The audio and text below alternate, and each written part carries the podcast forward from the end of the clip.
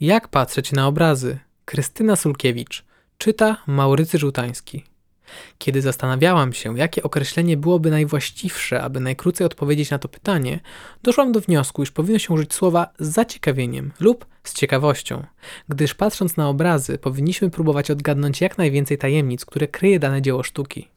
Obrazy najczęściej możemy oglądać w muzeum, ale nie jest to przecież ich naturalne środowisko, do którego adresuje swoje dzieło artysta. Nawet jeżeli dany obraz nie powstaje na konkretne zamówienie, to najczęściej jego docelowym adresem jest jakieś wnętrze domu, pałacu, kościoła, gdzie miał pełnić pewną określoną funkcję. Wiem, że jest wiele bardzo ważnych powodów, dla których obrazy mieszkają w muzeach. To przede wszystkim aspekt dostępności, bezpieczeństwa i oczywiście bardzo istotne są względy konserwatorskie. Niemniej jednak, wierzcie mi, zupełnie inaczej odbiera się dzieła sztuki, które znajdują się w miejscu, do którego zostały pierwotnie przeznaczone. Nazywamy to, że są wtedy in situ. Są muzea duże i małe, ogromne, przerażające swoją monumentalnością, ale też kameralne, bardziej przyjazne dla widza. Aby mieć najlepsze warunki do oglądania, patrzenia na obrazy, należy przede wszystkim oswoić muzeum. Na początku trzeba posiąść pełną orientację topograficzną, czyli wiedzieć, gdzie co się znajduje, które sale, które piętro i tym podobne. I przede wszystkim musimy sami uświadomić sobie, co chcemy oglądać, co nas najbardziej interesuje. Moja sugestia: starajmy się na początek wybrać stosunkowo niewielki zakres obrazów. Nadmiar obiektów nie sprzyja dobrej percepcji. Gdy dokonamy właściwego wyboru, stajemy, a najlepiej siadamy. Na szczęście w wielu muzeach są ławeczki lub kanapy. To sprzyja refleksji. Przed naszym obrazem i zastanawiamy się, co, jak, po co. Pytając co, chcemy się dowiedzieć, co jest tematem danego obrazu. Są oczywiście obrazy bez tematu, bezprzedmiotowe, czyli abstrakcyjne, ale nie będziemy się teraz nimi zajmować. Tematów w malarstwie jest bardzo dużo. W różnych okresach sztuki pewne tematy i motywy były wiodące, co jest charakterystyczne dla danej epoki i stylu. Na przykład w średniowieczu dominowała tematyka religijna, która rozwijała się potem i w renesansie i baroku, ale już w innym ujęciu. I tu dochodzimy do bardzo istotnego wyróżnika obrazów cech stylowych. To samo spostrzeżenie nasunie się nam, jak obejrzymy sztywny, reprezentacyjny portret barokowy króla Ludwika XIV i nastrojowy, również namalowany w tej epoce, autoportret Rembrandta. Sztuka baroku dała nam niezwykłe bogactwo tematów. Liczne sceny z życia codziennego, sceny rodzajowe, zwłaszcza dzieła mistrzów holenderskich, kameralne, nastrojowe obrazy Jana Vermeera van Delft, pejzaże, martwe natury, odznaczające się wielką precyzją w oddaniu szczegółów, sceny mitologiczne, historyczne. Tematy te były kontynuowane w innych epokach i, tak jak powiedziałam przedtem, inaczej. Teraz spróbujemy odpowiedzieć na pytanie jak – jest rzeczą oczywistą, że każdy artysta maluje inaczej i opowiadanie o różnorodności stylów poszczególnych twórców jest tematem tak szerokim, iż nie sposób o tym opowiedzieć w skromnym artykule. W odpowiedzi na pytanie jak pragnę się ograniczyć do spraw natury technicznej. Do technicznych aspektów malarstwa zaliczamy przede wszystkim materiały i rodzaje technik. Patrząc na obrazy, widzimy, że są one namalowane na różnym podłożu. To, na czym artysta maluje, nazywamy podobraziem. Właściwie można malować na wszystkim. Do najpopularniejszych podobrazi zaliczamy papier i jego różne odmiany, drewno i płótno. Z rodzajem podobrazia łączy się technika malarska, czyli jakimi farbami malujemy.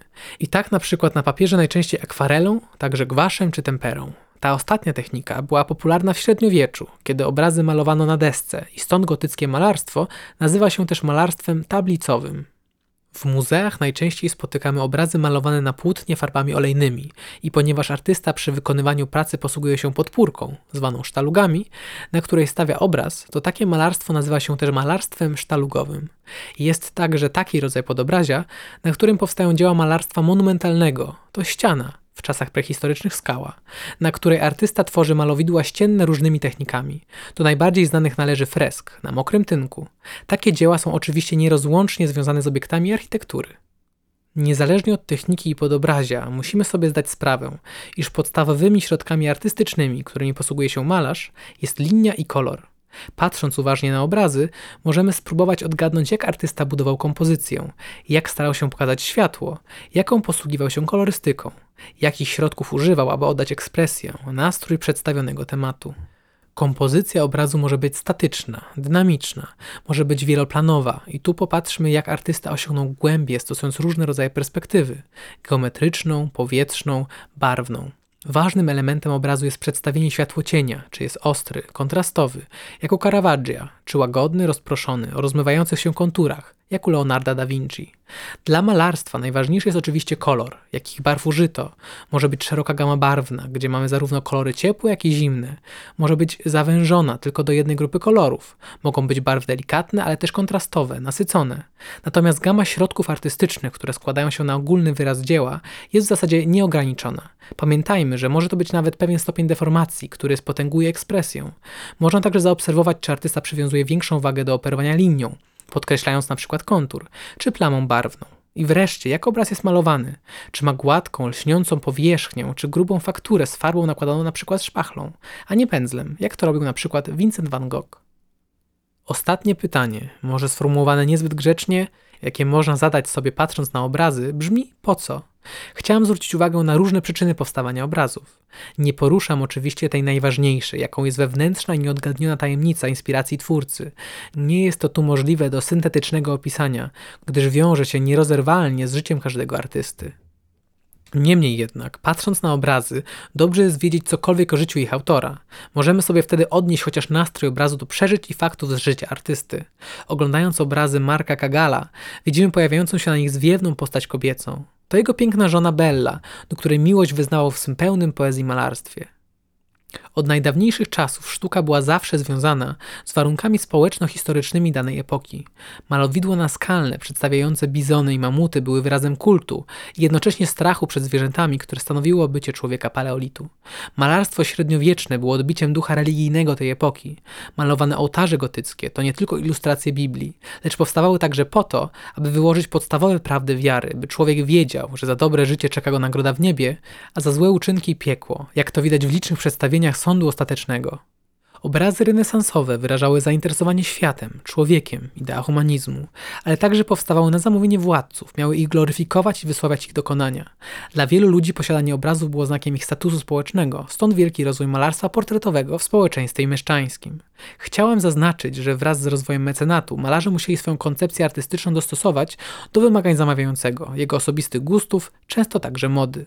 Wraz ze zmieniającym się światem, obrazy, które powstawały, stawały się odbiciem przemian wszystkich dziedzin życia, nierzadko związanych z polityką i wydarzeniami historycznymi.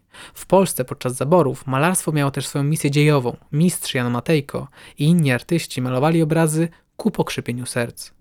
Nie wymieniłam na pewno wszystkich funkcji, jakie może pełnić malarstwo, ani przyczyn, które wpłynęły na powstawanie obrazów. Ale nie zapominajmy, że obrazy istnieją przede wszystkim po to, aby dostarczać nam osobistych przeżyć estetycznych i emocjonalnych.